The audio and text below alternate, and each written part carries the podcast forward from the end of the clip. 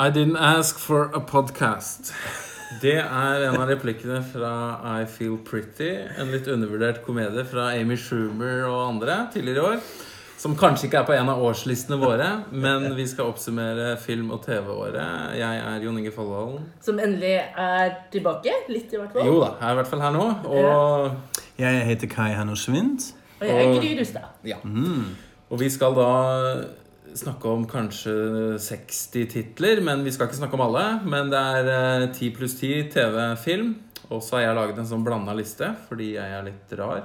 Uh, Og så har du ikke sett så mye i år? Har du vel? Nei, jeg har sett litt mindre enn vanlig, så jeg håper dere kan uh, gi en god bredde. Jeg- Det kan vi gjøre. Så må vi kanskje si at vi, det er litt sånn julebordstemning her. Uh, hvis det er lyder i bakgrunnen, så er det et eller annet i ovnen som Gry lager, og vi sitter rundt et bord, så det er litt, kanskje en litt Og iPhone ligger og hviler i klementinene. ja. Så det er en litt, uh, litt dårlig lyd, men vi supplerer med god stemning. Og er det jo noe som mangler i 2018, så er det jo folk som babler i det vide og brede om ting og mener noe. Ikke sant? Så nå får du litt mer av det, men vi håper du kan gjøre det eh, lytteverdig. eh, trender, tendenser 2018. Går det an å si noe sånn generelt om film, serieåret? Jeg syns jo at eh, dette har vært et veldig, veldig bra filmår.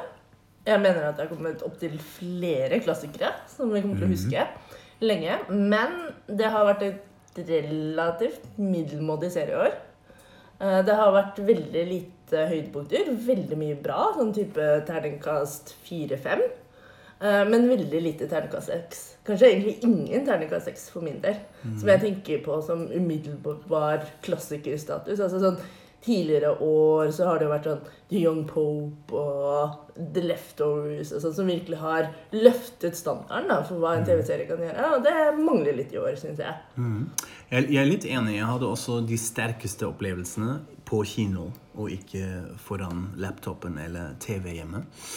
Så har jeg jo eh, fulgt med på humorfronten. eh, spesielt i år. Litt interessant fordi jeg syns man skjønner litt sånn etter metoo kan vi kalle det en bølge? Jeg vet ikke. Kanskje som en slags trend. At man ser at det er eh, kanskje et sånn skille. Eh, man prøver å få en ny tone innenfor humorsjangeren. Både i sitcomsene man har sett på, men også i standup-sjangeren. Veldig mye interessant. F.eks. når man tenker på Nanette. Uh, comedy standup-specialen til Hannah Gatsby, som var en stor snakkis i år. Ja, politisk korrekt standup, kanskje, samtidig som hun prøver å bryte med formen. Eh, om dette er så vellykket og er det en ny trend, får vi se. Men det definerer i hvert fall et, sånn- en sånn tilnærming. Og så har man på den andre siden gamle helter som Steve Martin og Martin Shod, som legger ut en sånn dad humor comedy special. Gammeldags varietéshow. Ikke sant, med synging og dansing og sånt.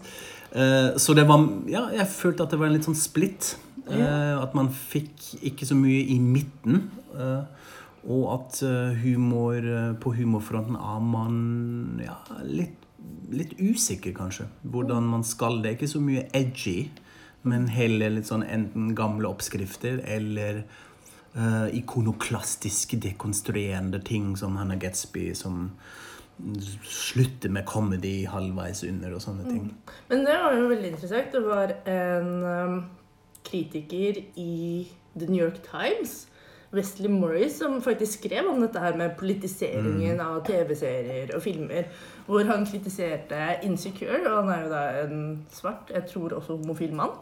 Eh, og så mente at denne serien faktisk ikke var så bra, og hadde fått veldig kjeft for at han da ikke likte denne seriens estetikk. Da, altså At han rett og slett ikke syntes at serien var så bra. Og så var spørsmålet er det ikke lov å kritisere politisk riktig kunst lenger. Eh, og det syns jeg jo er interessant, altså fordi det må det jo være mulig å gjøre. altså Det er jo ikke bra bare fordi at det er en svart kvinnelig eh, TV-serieskaper. Det kan jo ikke være det eneste kriteriet for at det er bra eller ikke. Det, det, men det syns jeg var ganske kult med eh, Cannes i år. var jo at Man hadde jo kanskje forventet en mer sånn politisk pris fra var det Kate Blanchett som var juryleder. Men de valgte da å gi Gullpalmen, veldig fortjent, som vi sikkert kommer til å komme tilbake til, til Koreda og Shoplifters. Som ikke er en spesielt politisk film på den måten at den slår deg i hodet med et politisk budskap. Eh, Så det vil jo kanskje tilsi at det er mulig å lage eh, altså ikke-politisk kunst, da, og allikevel at det blir verdsatt. Men jeg syns det er veldig bra at vi tar diskusjonen. For jeg synes jo altså, sånn som representasjon er veldig viktig, men det kan jo ikke gå på bekostning av kvalitet. Så er det jo kanskje to ting. Det ene er den grunn hvorfor man lager denne kunsten. Med hva slags intensjoner, disse, hvorfor disse filmene og TV-serier blir laget, og hvordan vi bedømmer dem. Og det er jo Wesley Morris inn på vil støtte det. Du sier en fantastisk essay, 'The Morality Wars'. Eh, Hvor man sier ok, vi bedømmer nå kunst egentlig om den er etisk riktig eller ikke. Og ikke nødvendigvis på de kriteriene som fører med estetikk og om dette er underholdende og sånt. Og det, da ser man også denne usikkerheten, eh, også i publikum. Det er kanskje sterkest i USA, hvor man har jo en sånn hysterisk etisk klima akkurat nå. Men vi ser det jo her år, Er det lov å si, fortelle en sånn historie? Eh, Hvorfor er det eh, ikke alt mulig etnisiteter representert? Går det an å fortelle, lage en TV-serie om hvite menn? Har vi lov til det? Altså alt dette der. Så det er jo den, jeg er helt enig, den debatten må vi ta. Men det er også litt, eh, litt slitsomt hva, hvordan dette ja, bli ført, denne samtalen. Denne store som vi har.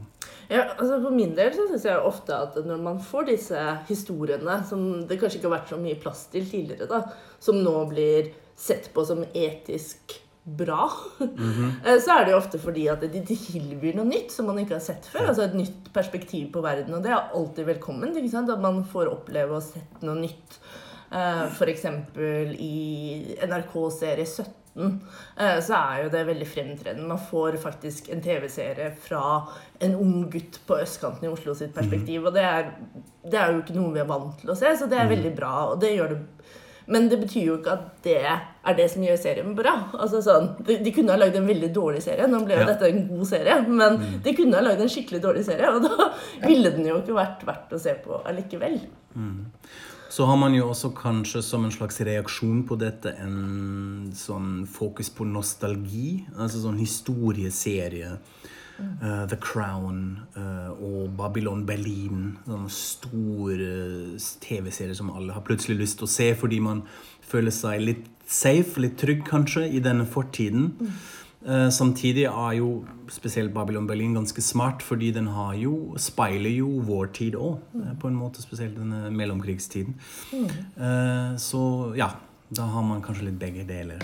Speiler vel vår mellomkrigstid nå. Ja. Mm, vi gleder oss til tredje verdenskrig. Men Kai, kan ikke du gå litt konkret inn på da dine lister? Du kan få velge hvor du vil begynne. Oh, spennende. Eh, skal vi se på TV-listen min først? Den blir Ja. på tiendeplass, da. Ja. spennende. Ja, eh, nå må jeg se om jeg faktisk har fått til ti. Fordi jeg tror jeg har bare ni TV-serier nå. Stor intellektuell prøvelse, det. Ja, Telle til ti. veldig dårlig Jeg tror det i er matte. førsteklassepensum. Ja, men jeg har rett og slett ikke kommet på ti TV-serier i år. Du har Så- ikke funnet så mange, er det det, rett og slett? Nei, jeg har, nei, det er mest at, at jeg ikke har sett så mye TV i år. Nei. Tror jeg. I hvert fall ikke det som jeg hadde lyst at det havner på listene. Det gir podkasten veldig troverdighet, da. Ja, ikke sant? Eh, på niendeplass har jeg Heimebane. Som uh, vi har jo snakket mye om her på Ja, Vi hadde jo til og med en podkast tidligere i år med Ja, absolutt. Og det, serieskaperen. Og vi kan jo, dere kan jo glede dere til en ny podkast før sesong to kommer ut. Ja, det må vi lage. Absolutt. Uh, fantastisk serie. Veldig kul. Og det uh, Fortsatt litt satt ut av det Skal det være en serie om fotball? Huh, vet ikke. Og at man ble så revet med fordi det er så mye annet. Det er for meg fortsatt dette som er så gøy. Og du liker også fotball, så det er ikke det Jeg liker det fotball, men jeg liker ikke Men du liker ikke jenter så godt. Jeg liker ikke Jeg hater jenter og kvinner, så det er veldig vanskelig for meg. Det er da ironi her. Ja, det er bare bordet. satire. Og herregud, hashtag metoo forsiktig. Um, Men det er en bra serie, som Ja. selvfølgelig den, den kunne det jeg skulle si, var Jeg liker fotball, men jeg liker veldig sjelden fiksjon om fotball. Jeg syns ofte at det ikke fungerer i det hele tatt. Uh, men det var jo også uh, mye annet uh, i den serien som fungerte veldig bra, og da ble jeg veldig revet med. Em, så har jeg på uh, 18.-plass uh, 8.-plass, ja, uh, Handmaid's Tale. Hadde du en tiendeplass og en niendeplass nå? Nei, jeg hadde bare en niendeplass. Ja, så du og begynner på niende. Ja, jeg begynner på niende. hjemmebane. Ja. Er hjemmebane, åtte er Handmaid's Tale 2. Mm. På syv har jeg The Haunting of Hill House, um, hvor jeg da fråtser litt i min skrekkfetisj. Mm. Uh, den var som en helhet kanskje litt rotete uh, og litt uh, masete, men den hadde noen fantastisk creepy episoder. Og som sagt, som jeg også sa i podkasten, en sånn jump scare hvor jeg skrek høyt på sofaen. Så høyt at hunden som er i leiligheten under, bjeffet tilbake. Det syns jeg fortsatt er gøy. Ja. Eh, på sjetteplass, og det er kanskje også litt sånn metaobservasjon, mange gode tyske TV-serier i år. Tysk TV kommer litt sånn globalt nå, eller ble oppdaget i hvert fall, resten av verden. Og da har jeg Bad Banks. En serie eh, som ligger ute på HBO, også eh, i Norge, som tar for seg investment bankers i min hjemmeby Frankfurt.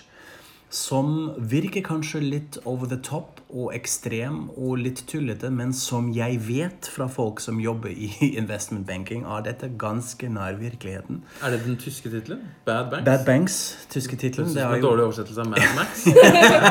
ja, det er jo et sånt begrep fra finansverden at det fins disse etisk ikke korrekte banker. Den var veldig bra. Så er jeg på femteplass The Deuce sesong to. Eh, Tapte seg kanskje litt i forhold til første sesongen, men man er fortsatt eh, interessert i disse karakterene og denne flytende stilen. At man bare meandrer gjennom gatene i Manhattan. Ja, den, Funker bra. ja, den episoden hvor de spiller inn denne pornofilmen, Ja. Som liksom danner tråden eller hovedhandlingen i sesongen, er jo helt fantastisk. Ja, det er veldig, En av våre beste TV-episoder. Veldig bra.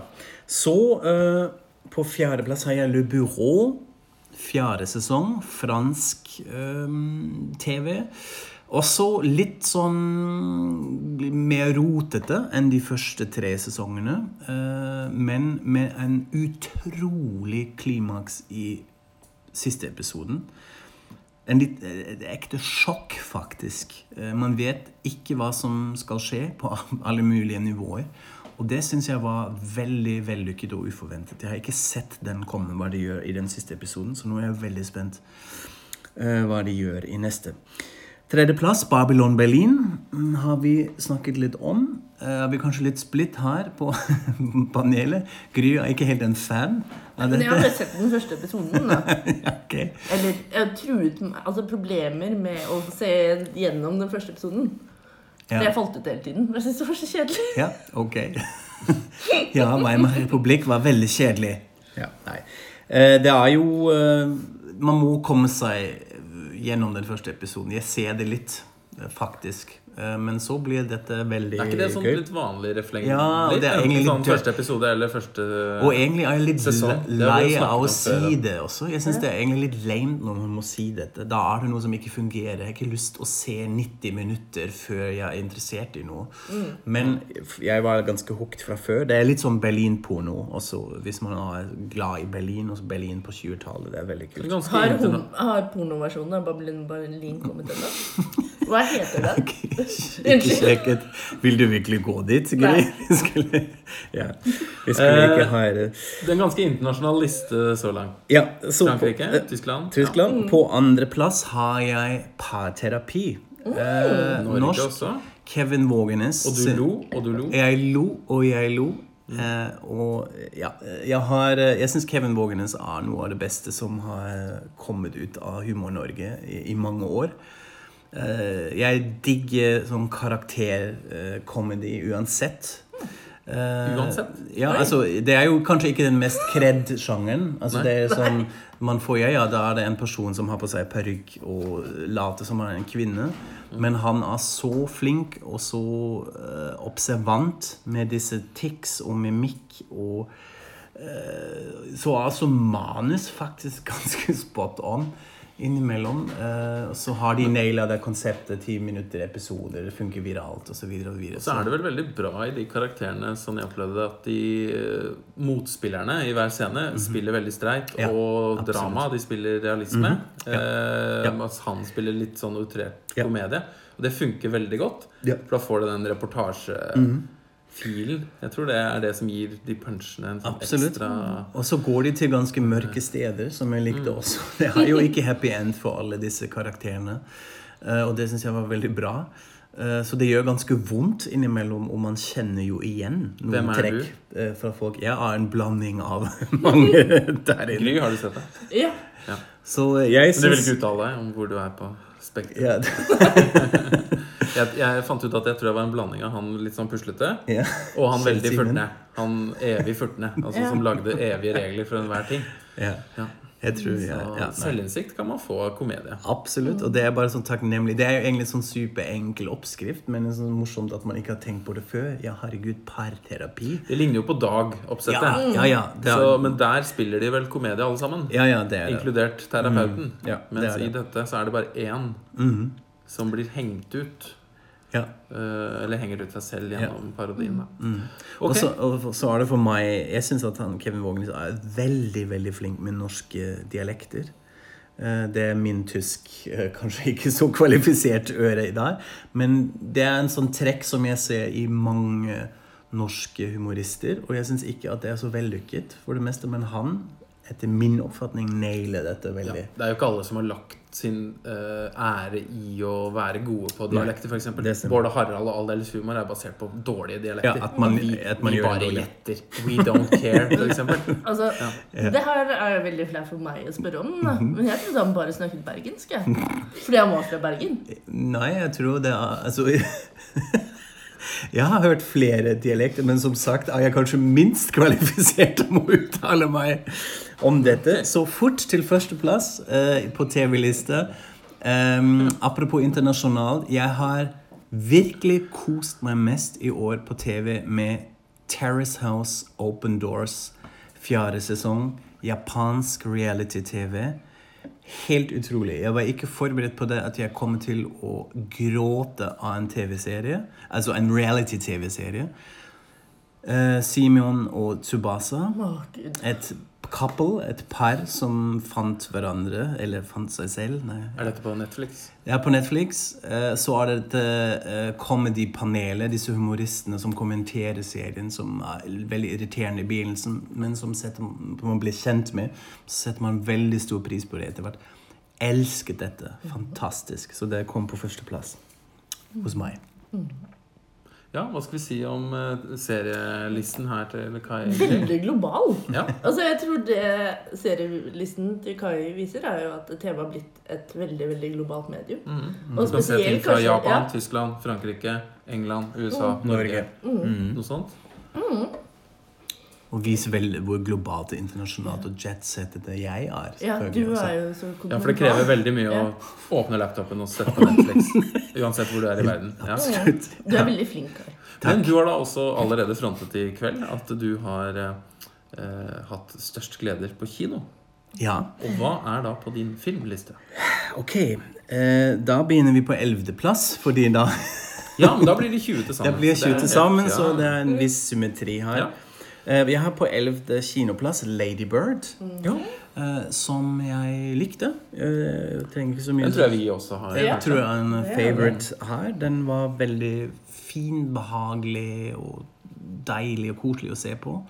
Um, på tiendeplass har jeg 'Sorry to Bother You', um, som jeg har nå uh, sett flere ganger fordi jeg skulle holde en innledning om, om den.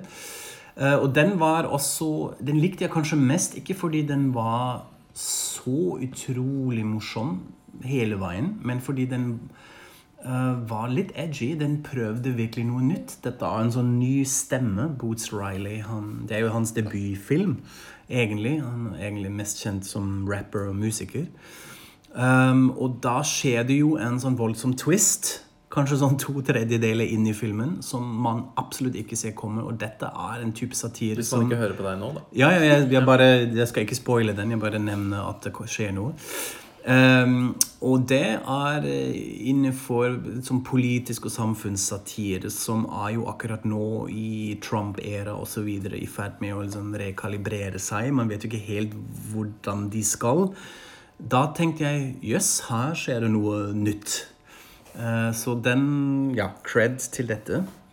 Uh, på niendeplass A Quiet Place, tilbake til skrekk. Uh, filmen i seg selv kanskje ikke så superduper bra gjennomført, men denne premissen er så fantastisk.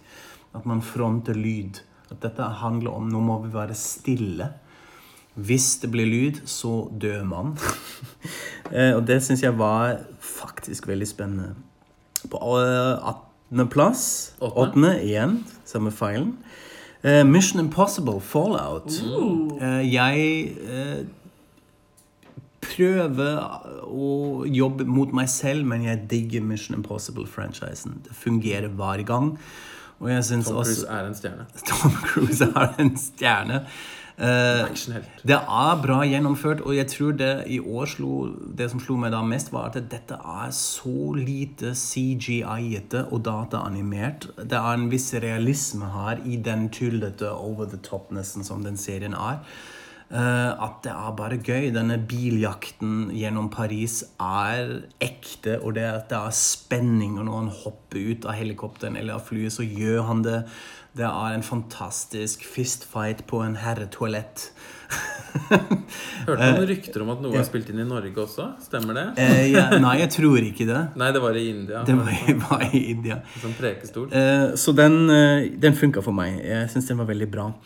Syvendeplass, uh, Ut av intet, In the Fade. Uh, tysk film fra Fatih Akin, en tysk-tyrkisk uh, filmskaper som uh, hadde stor suksess med denne filmen. Kanskje mest fordi det var Diane Kruger i hovedrollen, eller Diane Kruger, som hun kaller seg i utlandet. ja, terror Fascistoid terror i Tyskland. Forferdelig trist film, men gjorde veldig stort inntrykk. Apropos, på sjetteplass Utøya 22.07. Eh, Erik Poppe. Eh, bare en av de sterkeste opplevelsene jeg hadde på kino i år. Eh, da kan vi sikkert være enige om. Jeg vet ikke om eh, dere har den på lista. På min liste. Å, jeg ser den der, ja. Ja, eh, den funka, og det som det som var interessant da, var at jeg var litt usikker om hvorfor må vi ha denne filmen nå. Da jeg gikk inn, og så skjønte jeg det helt når jeg kom ut hvorfor vi trenger den. Så den var veldig fint. Eh, fint feil, men uh, veldig, gjorde mye inntrykk. Viktig. Viktig. Takk. Mm. Femteplass, uh, Hereditary. Tilbake til skrekk. Uh, også litt over the top, men jævlig creepy. Og herregud, Tony Collette, hvis hun ikke får en Oscar-nominasjon for dette, skal jeg aldri se Oscar igjen. Det tror jeg ikke noe på. Ok, det tar vi når den kommer ut. Fjerdeplass, 'Sjarmøren'. Uh, en uh, Ja uh, Litt sånn uspektakulær film på en måte, fordi den gikk litt under radaren. Men noe av det smarteste jeg har sett om ja, tema globalisering, hva det betyr å være flyktning. Spesielt i Skandinavia. Uh, veldig bra spilt uh, og kjempebra. Se den hvis man ikke har sett den. Den var ikke så lenge på kino i Norge. Men den kommer sikkert på alle mulige strømmetjenester. Tredjeplass, 'Call Me By Your Name'. Mm. Var nydelig fra begynnelsen til slutt. elsket den. Andreplass har jeg 'Ramen Shop' en japansk-koreansk film som fikk meg så mye til å grine at jeg ikke klarte å stoppe etter filmen. Og det har sjelden skjedd. Ikke fordi den var så utrolig trist, men fordi jeg var så rørt. Fortelle en historie om en ung mann som uh, ja, må uh, på en måte reconnecte med familien sin. Uh, Japan og Korea, vanskelige forhold. Men alt dette skjer gjennom matlaging. Han er en ramen-kokk. Uh, da piper ovnen fra Gry i bakgrunnen. Det passet jo bra. Passer veldig fint. Kokketematikk. Så det er ikke ramen som lages her. Her nei. er det mer uh, Men hvis, hvis, man ikke har sett den, den, den er fantastisk fin kosefilmseing. Uh. Og på førsteplass eh, fransk film 120 BPM. Aids-aktivister i Frankrike på, i begynnelsen på 90-tallet. Eh, fantastisk spilt, supersmart. Um, og cinematisk på mange områder, eh, som jeg ikke hadde forventet. Eh, den eh, tenker jeg fortsatt på veldig mye. og skal også se den flere ganger. Fordi den ja, bare fungerte for meg. Virkelig min toppfilm fra 2018. Jeg var jo på et seminar som handlet om skeiv film Ja. på Cinemateket. Mhm. Og da hadde de invitert Chris Berry, som er professor ved Kings College i London. Eh, og han snakket eh, veldig mye om 120 BPM. Mhm. Og også, som jeg syns var veldig interessant, er at eh, han så på det som en ikke nyliberal representasjon av homofili. Mm -hmm. yeah. Fordi den da har veldig mange forskjellige hovedkarakterer og forskjellige historier. Og at det på en måte handler om en mer sånn kollektiv identitet, Ja. mer enn at det handler om individets kamp, sånn som det f.eks. gjør i Milk eller Mhm, mhm. Dallas Buyers Club, eller en del av de kanskje Ja. mer ny, nyliberale eh, skeive filmene. Det er veldig mange gruppemøter og diskusjoner og Ja. avstemninger og Absolutt. sånt. Det er nesten Man sjelden ser Sjelden. insisterende Ja. Oi, nå er vi på møte igjen. Ikke sant? Uten at det er kjedelig. Man Ja. er med i disse forelesningssalene, og det er ikke bare homofile da, men også andre som blir smittet. Og man har en Det er den, det er den sosiale komponenten da. Dette handler om makt. Store farmasøytiske uh, firmaer som nekter å gjøre dette tilgjengelig. Og det som slo meg òg, var at dette føles på en måte som et nesten en sånn period piece. Dette er litt historisk, men jeg husker jo begynnelsen av 90-tallet veldig godt selv. Så det er noe også med valg av musikken, hvordan karakterene ser ut, og stemningen, som har en sånn eh, ja, nostalgisk tilnærming uten at det blir koselig og trygg. Eh, dette er vel, den er rå og helt fantastisk. Ja, og så er den, tenker jeg, relevant i dag, Mm. i måten den blir fortalt på. At det kanskje kan være en ny vei å fortelle historier på. Ja. Og kanskje det som ja, omtales som skeiv film hvis man skal arrangere en festival, for f.eks., også er mer en øh, del av normale kinotilbudet. Og en sånn liste som dette også, at du på topp tre har 'Call Me By Your Name' og 120 BPM. Ja. Det er ikke en sånn label nødvendigvis Nei. eh, som må settes på eh, filmene. Helt riktig, og det er spesielt Det ene er et romantisk drama, det andre er et Ja. historisk, eh, politisk eh, Ja. Og det er spesielt med 'Call Me By Your Name'. Også, da har jeg sett mange anmeldelser som på en måte ikke har fokusert så mye på den skeiv filmlabelen. Ja. Det har nesten glemt det. Altså, Ja, dere må? Ja. husk, husker dere ikke at det er to gutter? Ja, Altså, det, Ah, ja, ja, ja, stemmer. Så det, ja, det har virkelig Jeg føler at det var en skift. Også 'God's Own Country', en britisk film som kom i år, som også forteller en veldig fin kjærlighetshistorie mellom to menn, men som ikke nødvendigvis kjører det skeiv filmstempelet. Så det var et bra år for den type film. Ok. Ja. Takk, Kai. Det var Gry, du har jo da også to Ja. som nå vi skal uh, høre. Og jeg vet jo ikke hva du har, så jeg synes det er veldig spent. Jeg vet ikke om Kai har fått høre noe, men uh, kjør i gang der du vil. Skal vi begynne med TV? Ja, gjerne det. Vi kan jo begynne med TV, da. Det er jo det jeg bruker mest tid på. I hele livet, faktisk. ja. Ja. Eh, Jeg liker å si at jeg får betalt for å se på TV. Du gjør det. Kjempefint. Eh, Så, men nå er det jo litt for mye TV, selv for meg. Så som jeg sa, altså, det har ikke vært så veldig mye Nei, best på kvantitet, men ikke på kvalitet. Så Definitivt. mer enn noen gang, Ja. men ikke bedre enn noen gang. Mm. Definitivt. Så jeg kan jo bare ramse opp boblerne mine veldig oh, ja, du har juksa til noen sånne? Ja. Mm -hmm. uh, først, som ikke kom på lista, men som var bra. Sharp Objects, Succession, Berry, My Brilliant Friend, Big Mouth og Glow og The Handmaid's Tale. Um, Jeg kommer ikke til å si så veldig mye mer om disse Nei. nå, men Ok. eh, jeg kommer faktisk til å Hvert år så pleier jeg å sende inn eh, serielisten min til film, Filter, film og TV. Så da kan dere lese litt mer om de der. Bra. Ok, Så hva er det jeg syns var eh, verdig topp ti? Eh, jeg er jo veldig glad i mine guilty pleasures. Selv om det er egentlig ikke så guilty. Lenge Altså. siden du var guilty. Det er egentlig bare pleasure. Ja. Eh, og på tiendeplass så har jeg da den nye versjonen av Dynasty. Ja. ja. Heter den Dynasty på norsk, eller har den fått noe norsk navn? Nei, den heter bare Dynasty, tror Ja. jeg. Eh, kjempegøy. Altså, det, det er så over the top. Og det er så crazy pants at jeg sitter i sofaen for meg selv og klapper i hendene. Altså, De hadde en fest hvor det bare er en sånn helt random karakter. Det er ikke karakter engang, men en sånn statist som går rundt og skal være en russisk oligark. Som går rundt med en papegøye på skulderen. Det er helt fantastisk. De, drikker, de drikker champagne av tolvteflasker på en sånn babyshower. Hvor det selvsagt ikke er en baby, men yeah. det er noen som bare har løyet og sagt at de var gravide for å få penger. Altså, det er Det er så underholdende. Det er masse catfights, det er masse intriger. Men allikevel så har uh, serien et lite hjerte. Altså, det de har gjort, er jo å fokusere mer på Fallon. um, altså datteren til liksom Carrington-familien, da. Eh, Og fungerer det som en parodi? Eller mener de dette på alvor på en måte at man Fordi det går jo nesten ikke an å være mer 80-tallet enn Dynasty. Altså, det er jo ikke 80-tallet eh, i det hele tatt lenger. Ja. Nå er det bare det, er, altså, Det det jeg synes er interessant, er at det er rikdomsporno. Litt sånn Crazy Rich Asians. Okay. Men det blir også en rikdomsporno på den måten at man ser jo at disse menneskene er jo helt forferdelige.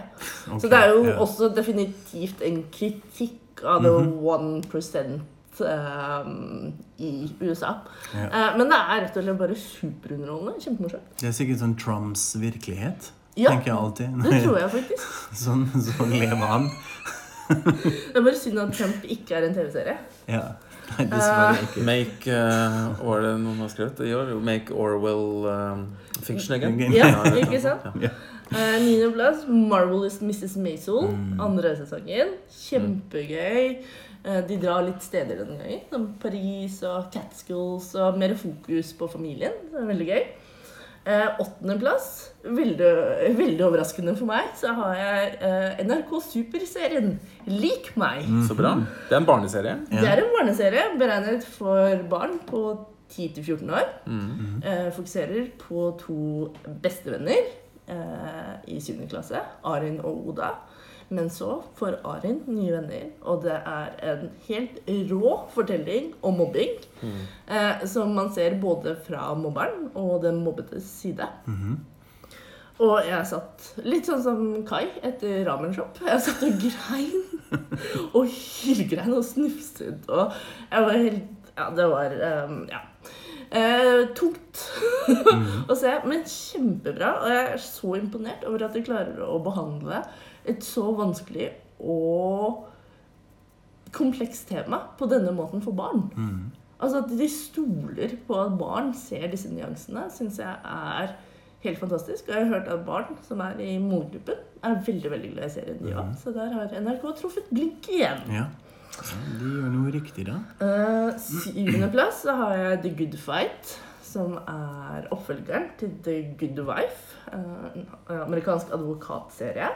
Sjetteplass er jeg -hmm. Femteplass er The Deuce. Så her har vi noen overlapp Mhm. med Ja. Kais liste fra i stad. Fjerdeplass The Americans, som da var inne i sin siste sesong. Spionserien fra Ja. Hvor mange sesonger eh, har vi da? Vet du det? Seks, ble det wow, okay. Nei, fem ble det til slutt.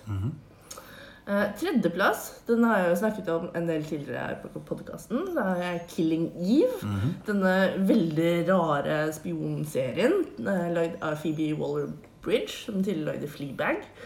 Hvor det er litt sånn Det handler om en spion som jakter en psykopatisk massemorder, men så viser det seg at de egentlig kanskje er litt forelska i hverandre, og det hele er et litt sånn erotisk, kinky spill. Det er veldig, veldig rart og ekstremt underholdende.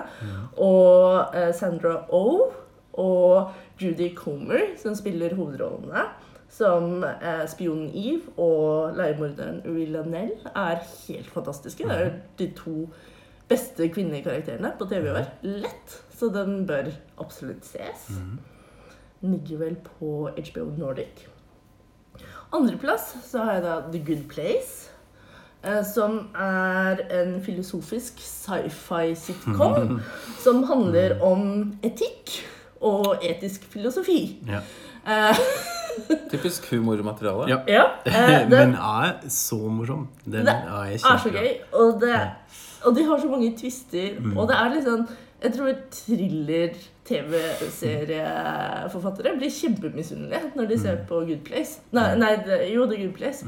Fordi det er ingen av de som klarer å lage så gode overraskende Twist vendinger i historiene sine. Mm. Eh, Det er jo da Kristin Bell og Ted Danson som har eh, de liksom ledende rollene. Det er bare kjempegøy, lærerikt og til litt sånn ettertanke med at det, serien rett og slett stiller spørsmålene ved hva vil det si å være god.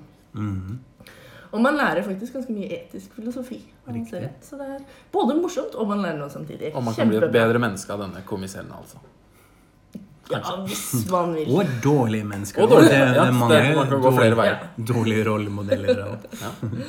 Førsteplass. Eh, Den den går til Bojack Horseman. Bojack. Syns det var en helt fantastisk sesong igjen. Eh, Det jeg liker kanskje best med Bojack, er at eh, det fremdeles er en serie. eh, Hvor man har veldig gode enkeltepisoder som gjerne står ut. Um, For eksempel Free Churro, som er en episode hvor Bojack står og holder en tale. Jeg trenger ikke å si så veldig mye mer om konteksten, men han står og holder én tale. Det er bare han som snakker hele episoden. Og det er så bra, og det er så morsomt, og det er så mørkt. Uh, og, og det de har klart med Bojack Horseman, det er jo, det er jo kjempemorsomt, men det er også utrolig mørkt. Det er litt sånn depressivt og utrolig smart. Og det går liksom til de mørkere områdene av det menneskelige sinn, som veldig få andre serier klarer. Og dette er en animert serie, så dette er veldig imponerende. Um, Den har vel en veldig fin åpningslinje, mener jeg å huske. Med 'Det er ikke noe som er så trist som en fest'. Tror jeg er den første linja i hele sesongen. Hvor han står på en fest okay. og yeah. sier 'there's nothing Eller om det er 'lonely'. Nå husker jeg ikke. 'There's nothing as lonely as a party'. tror jeg. Mm. har du den også på din liste? Den er på min liste også. Ja. Ja. Nei, nei, det er Jeg synes det var gøy at han har spilt fotball i sin ungdom òg. Han blir hentet av sin far på et eller annet tidspunkt og Han ser veldig sånn eh, lei seg ut. Han blir hentet litt sent fra fotballtrening. Ja. Så stakkars eh, lille Bojack. ganske hjerteskjærende. De tar jo opp veldig masse sånne temaer. Ja, Så sånn Familietraumer, abort blir et tema her. Altså aseksualitet. Um, og i tillegg så er det kanskje den beste behandlingen av metoo jeg har sett i år. Ok. Uh, hvor de, det er jo en showbiz-komedie på mange måter, og de tar opp liksom kjønnsperspektivet da, i TV-bransjen på en veldig, veldig god måte. De mest da sånn hypede seriene også i år noen steder. Jeg så IndieWire hadde laget en sånn Top 20 animated eh, TV series of all time. Hvor den nå var på topp, da. Foran Simpsons. Ja, det syns jeg var litt spesielt. Ja, så det, det sier jo noe litt om hvert fall eh, Men Ja, og da er det igjen kanskje det at man forteller de mest sannhetene i den animasjonssjangeren. At man klarer å få til noe da som man ikke får til i reale Og der skiller den seg jo fra Simpsons. At den går så psykologisk dypt. Ja. Det gjorde jo allerede Simpsons. Nei, de lærer jo ikke stort, Nei. for eksempel. Men jeg syns det er litt tidlig å skulle gi Ja. en sånn status til en serie, som er bra. Men er den så bra? Enig. Men da har vi kinolista di. Eller Ja. filmlista. Ja. Eh, da har jeg på tiendeplass så har jeg Cold War. Ah, den har jeg ikke sett ennå. Polsk Ja. Oh, serie fra Film. den kalde krigen. Kjærlighetsdrama. Utrolig flott. Ja. Utrolig vakker svart-hvitt film. Mm. Eh, den tidligere filmen um, til regissøren Ida var jo også altså Pavel Pavlikovskij Nå vet jeg ikke helt om jeg uttaler navnet riktig. Uh, var jo også veldig, veldig bra. Og Cold War er kanskje en fortsettelse av Ida. I det at den tar opp et sånt kjærlighetsdrama mellom en um, hva er det han egentlig er? En lærerregissør på en sånn musikk- og danseskole. Hvor de skal fremheve folkekultur. eh, Og forelsker seg da i en av liksom, de kommende stjernene. Og så reiser man rundt i østblokklandene. Veldig flott. Eh, På niendeplass så har jeg Spike Lees Black Clansman. Der tror jeg vi er ganske uenige, Kai. Ja, jeg likte ikke den. Ferdig med det. Ja. Hva likte du, Gry? Eh, jeg syns den var uh, For det første så var den ustyrtelig morsom. Uh, den var skikkelig bra karakterer. Og så har den denne vendingen på slutten. Uh, jeg vil si at den faktisk har to sånne vendinger på slutten. En gang når man har en mann som holder en tale, samtidig som man ser bilder fra uh, Baronation. Og så til slutt så har man enda en vending som gjør at man sitter med litt sånn uh, klump i halsen etterpå. Altså, The Black Clansman handler jo da om en farget politimann som klarer å lure seg inn i Ku Klux Klan på 70-tallet. Uh, på åttendeplass, eller attendeplass, som det heter her på podkasten, uh, har jeg uh, Leave No Trace av Deborah Granick. Eh, så dette er oppfølgerfilmen hennes til eh, Det er faktisk helt glemt. Eh, Winter's Bone. Mhm. Eh, utrolig flott film om en far og en datter som lever i skogen. Eh, og så skjer det litt sånn ting etter hvert, da. Uh, Syvendeplass så har jeg The Tale. Uh, det gikk opp for meg at jeg faktisk har utrolig mange filmer av kvinnelige regissører i år.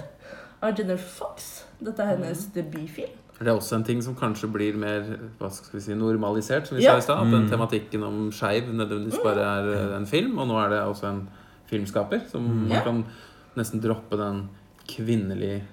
Prefikset som har vært Rett og slett vanlig. fordi det som vel forhåpentligvis har skjedd, er at det bare har blitt vanligere for kvinner å også regissere filmer. Uh, dette handler jo da om opplevelsene. Uh, sånn- det er litt selvbiografisk, tror jeg, til Jennifer Fox. Uh, om seksuelle overgrep. Uh, hvor Lara Dern er helt fantastisk i hovedrollen. Som vanlig. Som vanlig, ja. uh, og så på sjetteplass så har jeg Lady Bird. Ja, nok en Greta Gerwig der. Ja. Og så har jeg The Florida Project. Oh, ja, eh, av en av regissørene jeg er mest spent på i fremtiden, Sean Baker. Han kom jo lagde jo Florida Project etter Tangerine. Eh, det jeg syns er veldig spennende med han, er jo at han er en av få regissører som virkelig tar tak i liksom, de fattige eh, på en utrolig flott og respektfull måte. Jeg snakker om klasse i USA, Ja. som man Altså rett får. ved Disney World. Så Ja. det, er, det er jo et sånt Mm. oppsett som egentlig er litt sånn, kunne ha gått Ja. veldig skeis, fordi det er på en måte Ja. for tydelig. Mm. Men den er jo helt troverdig og ganske Fantastisk, ja. ja, hjerteskjærende og Fantastiske barne- og morsom. Og, ja, det, Ja.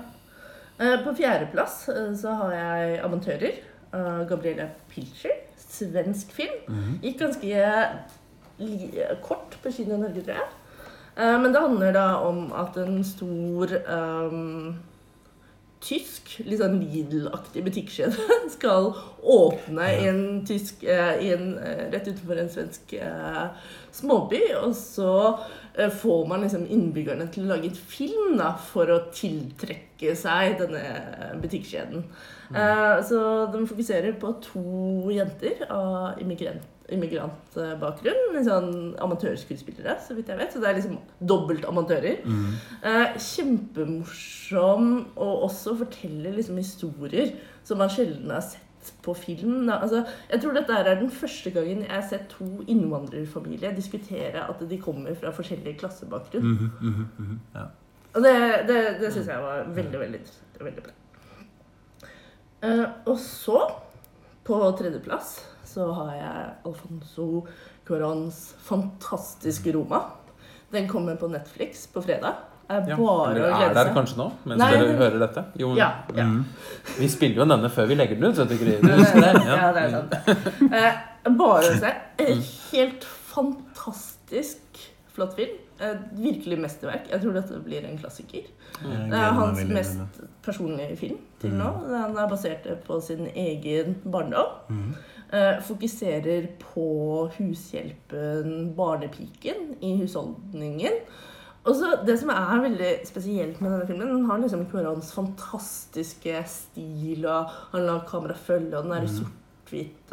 Men den er mye mer sånn episodisk, og det handler rett og slett om Du ser jo alt fra denne husholderskens, um, barnepikens perspektiv, og liksom Mexico på 70-tallet som er i endring. Altså, det skjer så mye i bakgrunnen.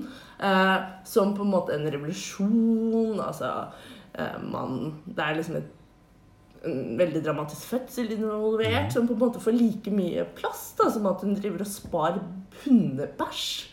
Eh, og det syns jeg er så fin, den der balansen mellom det hverdagslige liksom Det man gjerne tenker på som filmatisk viktige hendelser, og disse hverdagssituasjonene. Hvorfor heter den Roma? Jeg fikk sånn italiensk kino på neorealisme. Altså, Vibe. Den har absolutt eh, røtter i italiensk neorealisme. Og det er liksom eh, helt klart eh, referanser til Umberto D. Men grunnen til at det heter Roma, er fordi den er oppkalt etter dette nabolaget Ja, okay. i Mexico City. eh, som heter Roma, hvor denne filmen finner sted. Ja, Så den anbefales. Dere har vel ikke sett den? Nei, da? ikke ennå. Jeg gleder meg veldig. Jeg prøvde egentlig å få det med seg på kino, fordi antageligvis har den også fantastisk Den går og har noen lyddesign. visninger nå denne helgen, som da er sånn rundt 15.-16. Oh, ja, okay. desember. På tror jeg både Cinemateket og Vega så vidt jeg har noen visninger av den. Og så kommer den kanskje Nei, den kommer ikke på kino. Da får man se den hjemme. Men prøv prøve Ok. å få den opp på så stort lerret som mulig, da. Ja. kanskje. Ja, den er, uh, det er helt utseendet. Mm. Utrolig vakker. Uh, ja. Helt fantastisk. Og det er også en norsk uh, karakter. Eller norsk eh, Ja, man kaller det en karakter? Men det er en norsk mann der som synger en norsk sang. I en sånn helt sånn spektakulær, merkelig scene. Hvor de driver og, og slokker en sånn begynnende skogbrann. Hvor da denne nordmannen plutselig kommer, og så står han liksom, i sånn forgrunnen. sang er det? Er det? Jeg husker ikke, men det er bare en gammel norsk sang. Helt fantastisk. Sånn ekstra morsomt for oss nordmenn, da. Um, Andreplass, Phantom Thread av Paul Ja. Thomas Anderson. Ja, ja, Og du som ikke er noe glad i kjoler? Ja, ikke sant? Herregud. Det er Lewis helt fantastisk i denne filmen. Eh, det her er et litt sånn Hva skal man si? Det er et litt sånn kinky chamber-drama. Jeg har hørt noen si at de syns den er helt ustyrtelig morsom. Også. Ja. Tror den kan leses på veldig mange måter. Den er virkelig morsom. Jeg satt og lo masse. Kjempemasse. Uh, skarpe replikker. Den er kjempemørk. Den er romantisk. Altså, nei, er virkelig Jeg vil si at det kanskje er Paul Thomas Anderson sin beste etter um, There Will Be Blood. Yes. Så er det jo det med de detaljene i Paul Thomas Anderson-filmer. Det er alltid så fascinerende. Du, har, du vil se den flere ganger fordi det er så mye detaljer, både i spill, også, altså skuespillpresentasjoner, helt utrolig, men også denne, ja, den motehuset, klærne, måten de lager dette. Ingenting der virker fake eller skuespillete. Du, du er med, du tror på dette fra første sekund. Ja. Altså de tre hovedrollene, altså den Lewis, Vicky Kri- Kri- Kripes Krepes? Ja. Og Leslie Manuel er jo nydelig å, se- på. Er, nei, kjempe, kjempegøy. Altså, jeg tror den grunnen til at jeg har den før Roma, er at jeg personlig hadde mye større nytelse av Phantom Red enn Roma. Ja. Altså, det, den, ja, som Jon Inge sa, jeg er glad i kjoler og sånn. Den appellerer kanskje. Det er vel kanskje noen sånne Og den mørke humoren også, som jeg mm. ble veldig glad i. Om det ikke er en sånn stor trend akkurat, så kan det vel hende at noen av disse filmene vi har satt mest pris på nå i år, som er høyt oppe, både 'Call Me By Your Name' hos deg, Kai, eh, for så vidt hos meg også, og 'Phantom Thread', eh, har noen sånne klassiske eller nyklassiske trekk over seg. At de kunne vært laget uh, på 70-tallet, kanskje, eller har uh, den veldig Dette er en film, det er en fiksjon, det er laget for det store lerret. Det er uh, vakre bilder, det er en detaljrikdom, og det er en fortelling som er skapt for sånn ca. to timers Ja. formatet. Og fyller det til sin eh, bredde, som gir noe annet enn en serie kan Ja. få til. En sånn intensitet og, og kanskje They don't make them like that anymore, men kanskje de gjør det. Ja. Altså Kanskje Ja. det er noen som opprettholder den, eh, Ja, også, det, det er et godt poeng også at man ser igjen disse skills. Altså det å lage klassisk filmfortelling. Og en fortelling som Ja. man husker. Karakterer og Det, det har skjedd noe. De, de, de grep meg fra begynnelsen om at man er i den kjent etablerte, gamle dramaturgien. Jeg trenger ikke å se ti episoder før et eller annet skjer, men jeg er med etter ti minutter, og så følger man denne eh, arken. Så det er um, Og Roma passer jo også inn Ja. i det. ikke sant? Den kunne også lett ha blitt lagd på 70-tallet, hvor denne filmen eh, finner sted. Og egentlig for så vidt Black Clansman også har jo en del sånn gamle Du får liksom følelsen at det er liksom gammel Black Exploitation. 70-talls. Ja. mm. ja, og så førsteplassen. Jeg vet ikke om vi skal snakke om det nå, eller når du tar din liste. Kan gjerne snakke litt om det nå. Har vi jo selvsagt da uh, Koredas 'Shoplifters'. Helt magisk, fantastisk film. Eh, som faste lyttere av denne podkasten vet, så er det jo favorittregissøren kan vi si det, til både Jon Inge og meg. I hvert fall en av de, helt Ja. åpenbart. Og en av de som lager de laget De siste 20 årene da, har en øh, filmografi som jeg syns tåler sammenligning med de fleste. Og så er jo Shoplifters øh, øh, gullpalmevinner av året. Han fikk en jeg, jeg tenkte da han fikk den, at kanskje er dette en litt sånn kumulativ øh, Han har fått det pga. gamle meritter og sånt. øh, gullpalme. For det er litt sånn venteliste øh, der. Eh, men etter å ha sett den, så tenker jeg at dette er bare rett og slett en veldig, veldig god uh, Koreda-film. Som er der oppe med uh, Søstre, Still Walking, Nobody No. Knows, Afterlife, Maborosi og også flere av dokumentarfilmene. Jeg tenker hans sånn sosiale edge, klassebevissthet, kjønn, alder, kvinne, mann, familie, bånd. Her, eh, her, han flekser alt som er også sjanger. Mm. eh, dra duken under fortellingen mot slutten. Altså, han gjør ting som er eh, modig og eh, Men uten å flekse egentlig noen som helst kamerainnstilling. Uten å eh, vise Se så dyktig jeg er til å lage film. Litt sånn som Osu på sitt beste. Og nå tenker jeg at det er jo sikkert provoserende å si, men jeg tenker jeg setter mer pris på Koreda enn Osu. Oi, eh, Som treffer sterkere. Altså, han har noe av det melodramatiske liksom varme som kanskje Naruse har i mm. japansk film. Som uh, utrolig spennende å bare følge videre nå hva Koreda også skal gjøre. Han spiller han jo inn en film i Europa. Få se hvordan Ja. det går. Er det noen som kanskje kan klare det? Jeg vet ikke, Han har jo vært veldig inspirert av amerikansk film. Sånn Kramer versus Kramer og Place in the Heart og Robert Benton og den slags. Og eh, hadde vel satt seg på første flyet visstnok til USA for å møte Ethan Hawke etter han hadde vunnet Gullpalmen. For nå tenkte jeg at nå blir han med i filmen min, fordi han kan ikke nekte når jeg har fått Gullpalmen. Ja, Så jeg tror den der, det genuine ønsket om å lage en sånn 100 minutters drama som treffer og får folk til å gråte, det tror jeg kanskje han kan lykkes med. Men det gjenstår jo å se.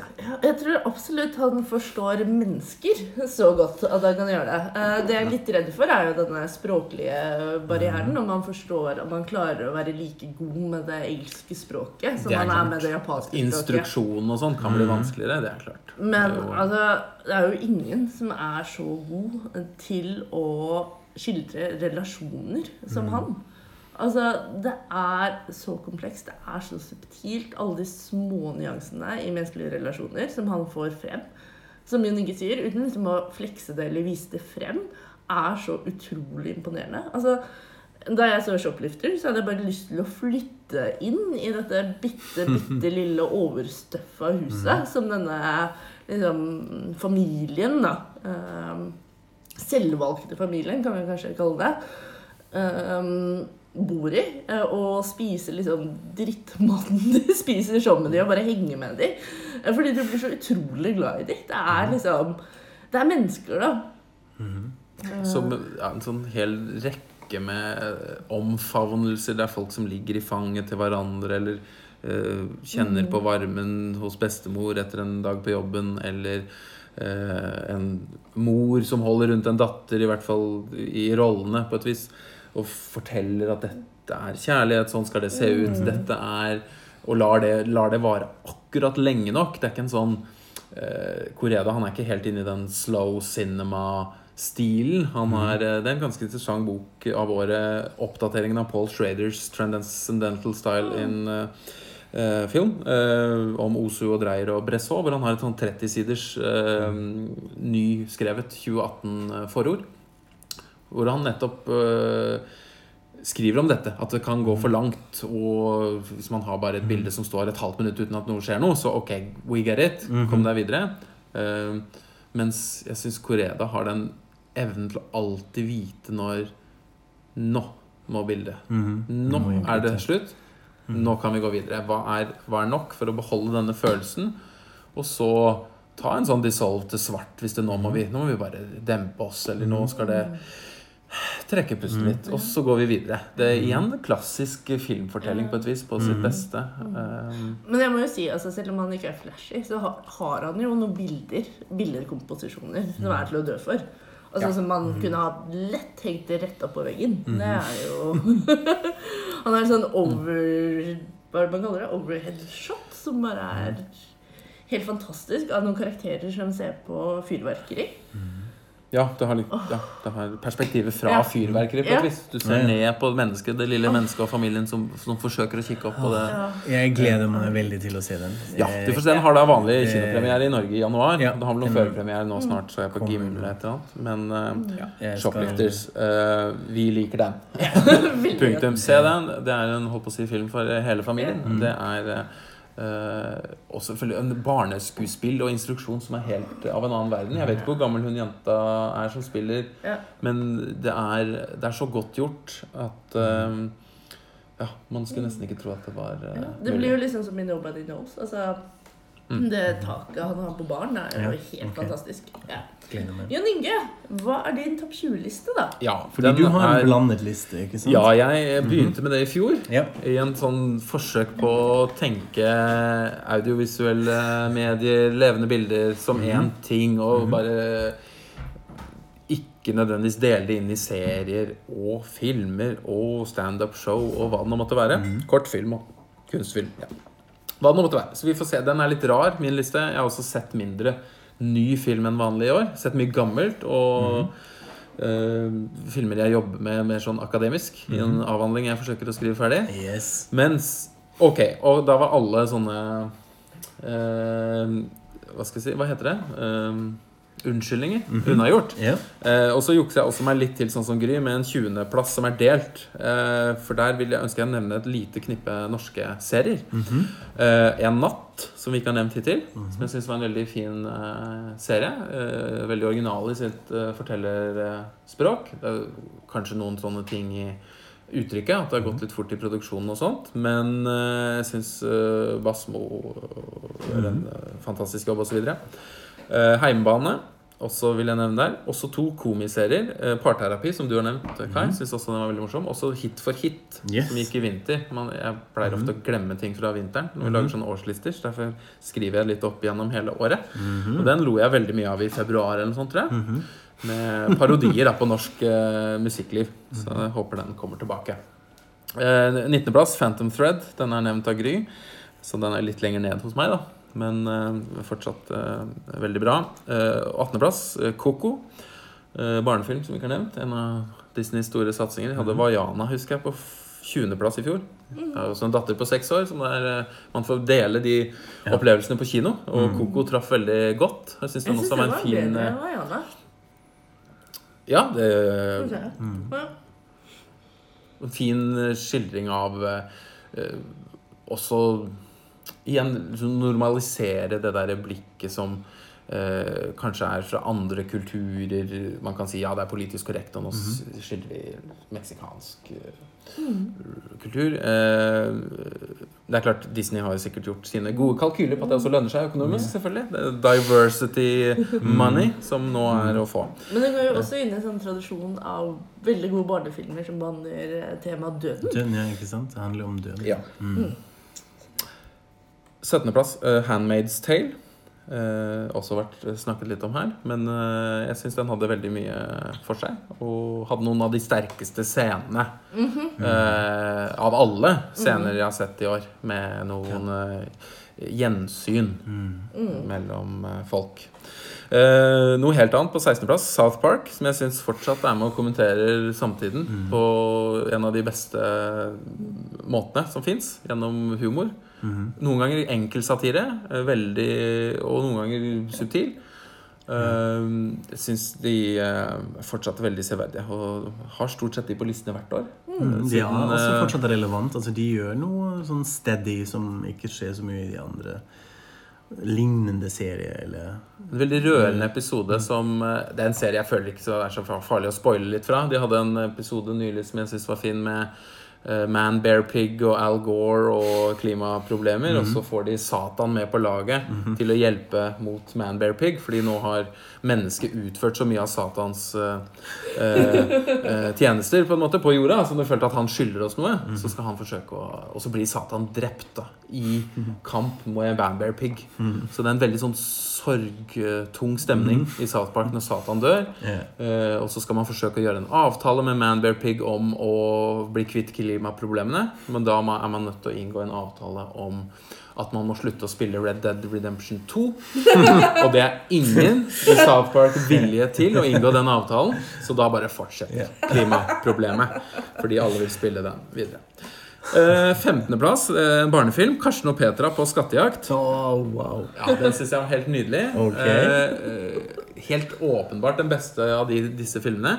Ja, fordi Endelig syns jeg de nailer det derre koselige, solfylte universet. Fordi de har jo fått en del kjeft, spesielt Karsten og Petra-filmen, at dette er så lat manusskriving, ingenting skjer. Samtidig som man eh, snakker om et sånn klisjébilde som har ingenting med virkeligheten å gjøre. Nei, det er kunstfilm for barn. Ah, det var det jeg ikke skjønte. Jeg vil kanskje ikke si det, men eh, jeg og min datter og min mor, som var og så på denne på kino sammen, da, tre generasjoner, hadde veldig glede av den, og den traff, og jeg tror den kan bli stående. Den har også en sånn story som har noen twister. Man kan faktisk gå glipp av litt hva det handler om, og sånn, selv som voksen, hvis man ikke følger med. Eh, First Reformed, eh, Paul Schraders film på 14.-plass. Som er en prest som eh, går litt rogue når han finner ut at miljøet er i ferd med å bli veldig dårlig. Um, 13.-plass, eh, Netflix-film eh, av og med Adam Sandler. eh, The Week of, sammen med Chris Rock. Eh, skikkelig sånn god, gammeldags, Ja, sånn koselig familiekomedie. Ja. Det handler om et bryllup, og så spiller de fedrene, og så skjer det masse rart. Og det er litt lytehumor, og det er litt politisk ukorrekt humor, men pakka inn i en sånn jovial Sandler-drakt som jeg tror i hvert fall tidligere har lest noen sånne takedowns av han fordi han Tidligere klarte han å samle Amerika, men nå er det ingen komikere som klarer å samle Amerika og sånn. Men jeg tror han kan treffe litt sånn på tvers av de derre Uh, eksempel også i standupen hans av året, eh, 100% Fresh, som jeg også synes var veldig morsom. Lo mye av den. Og jeg argumenterer ikke mot min egen latter. Da regner jeg med da er det morsomt. Ja. Uh, og den er også ganske sånn upolitisk. Det er ikke noe nevner eh, Ja. Trump uh, blir ikke Nei, det er ikke uh, Og sånn standup-show-messig så er den også klippet sammen av Uh, jeg vet ikke, seks-sju forskjellige show eller noe sånt. Så den, den bryter med en del konvensjoner og er uh, absolutt severdig. The Week Off har også en sånn 80-talls eh, throwback-følelse. Det minte meg litt om noe som jeg kanskje John Candy og Steve Martin Ja. det lagt sånn. Eh, Samtidig er det litt, ja, som du sier, litt Det er sånn video man leide rundt 1990. Ja, ja. Men den, jeg lo også veldig av den òg. Jeg syns den funker bra. ja. Tolvteplass, mm. Skam Austin. Ingen av dere som har nevnt den. Men jeg syns fortsatt uh, den uh, var interessant. Uh, den oversettelsen av den store norske suksessen til eh, eh, Facebook Watch. Så får vi se hva som skjer videre der. Nå sikkert neste år. Eh, Ellevteplass, eh, norsk på et vis igjen. ja eh, Utøya, 22. juli, som du også hadde, Kai, på din liste. En sånn veldig sterk eh, kinoopplevelse. Tiendeplass har jeg en dokumentarserie, Native America, fra PBS. Som er en sånn kvalitetsserie som viser liksom, Amerika på sitt beste, eller bedre. Hvor eh, man snakker seriøst om ting og blander uh, scholarship og indigenous knowledge og yeah. forsøker å lære noe om hvordan ble nå yeah. The Americas eh, til. Eh, veldig I fjor husker jeg hadde Vietnam Mhm, War-dokumentaren på Stemmer. lista. Ja, den også. Eh, Den er ikke like bra. Det er ikke en sånn Mhm. eh, Jeg lærte mye, som Mhm. en som har vokst opp i den norske skolen, hvor man gjerne begynner fortellingen om dette med Columbus og 1492. Ja. Og det perspektivet fra Ja. den andre siden ikke er så vektlagt. Mens her eh, begynner vi for 30 000 år siden, og hvordan ble eh, Vi begynner vel strengt tatt med Erik den røde, gjør vi ikke det? Jo, Leif Eriksson og Ja. sånne ting, kanskje? Mm. ja. Ja. Jeg vet ikke hvor tyskerne begynner i fortellingen om Amerika. Eh, ja, nei, tror- vi ligger også litt der at det er Columbus. Altså, sånn var det i skolen min i hvert fall. Og så var det noen der før, ja greit, men man ser ikke detaljert på det. Så det høres veldig spennende ut. Mm. Og eh, ja, severdig. Eh, Niendeplass uh, Bojack Horseman, eh, som vi har snakket om. Eh, Åttendeplass uh, Lady Bird. Eh, Sjuendeplass Call Me By Your Name. Eh, Sjetteplass, der har jeg en kortfilm. Uh, Inger-Lise Hansens eh, 'Tåke', som har vært vist på Kunstnernes hus.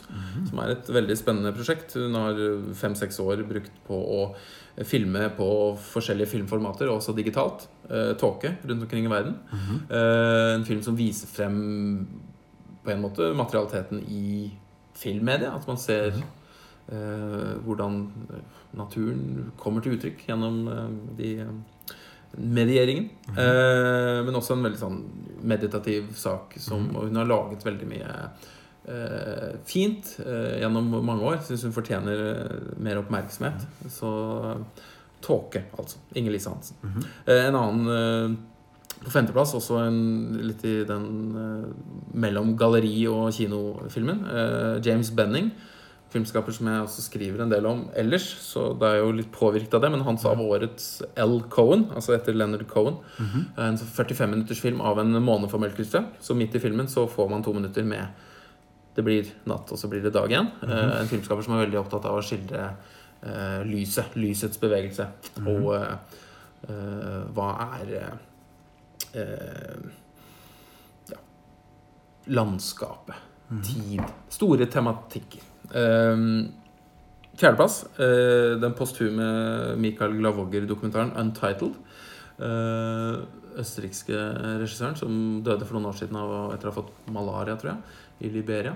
Eh, og mye av dette materialet er nå satt sammen. eh, en mann som har et veldig sånn litt sånn gammel kompis av Ulrich Seidel. Så det var litt den derre skildre litt udde mennesker.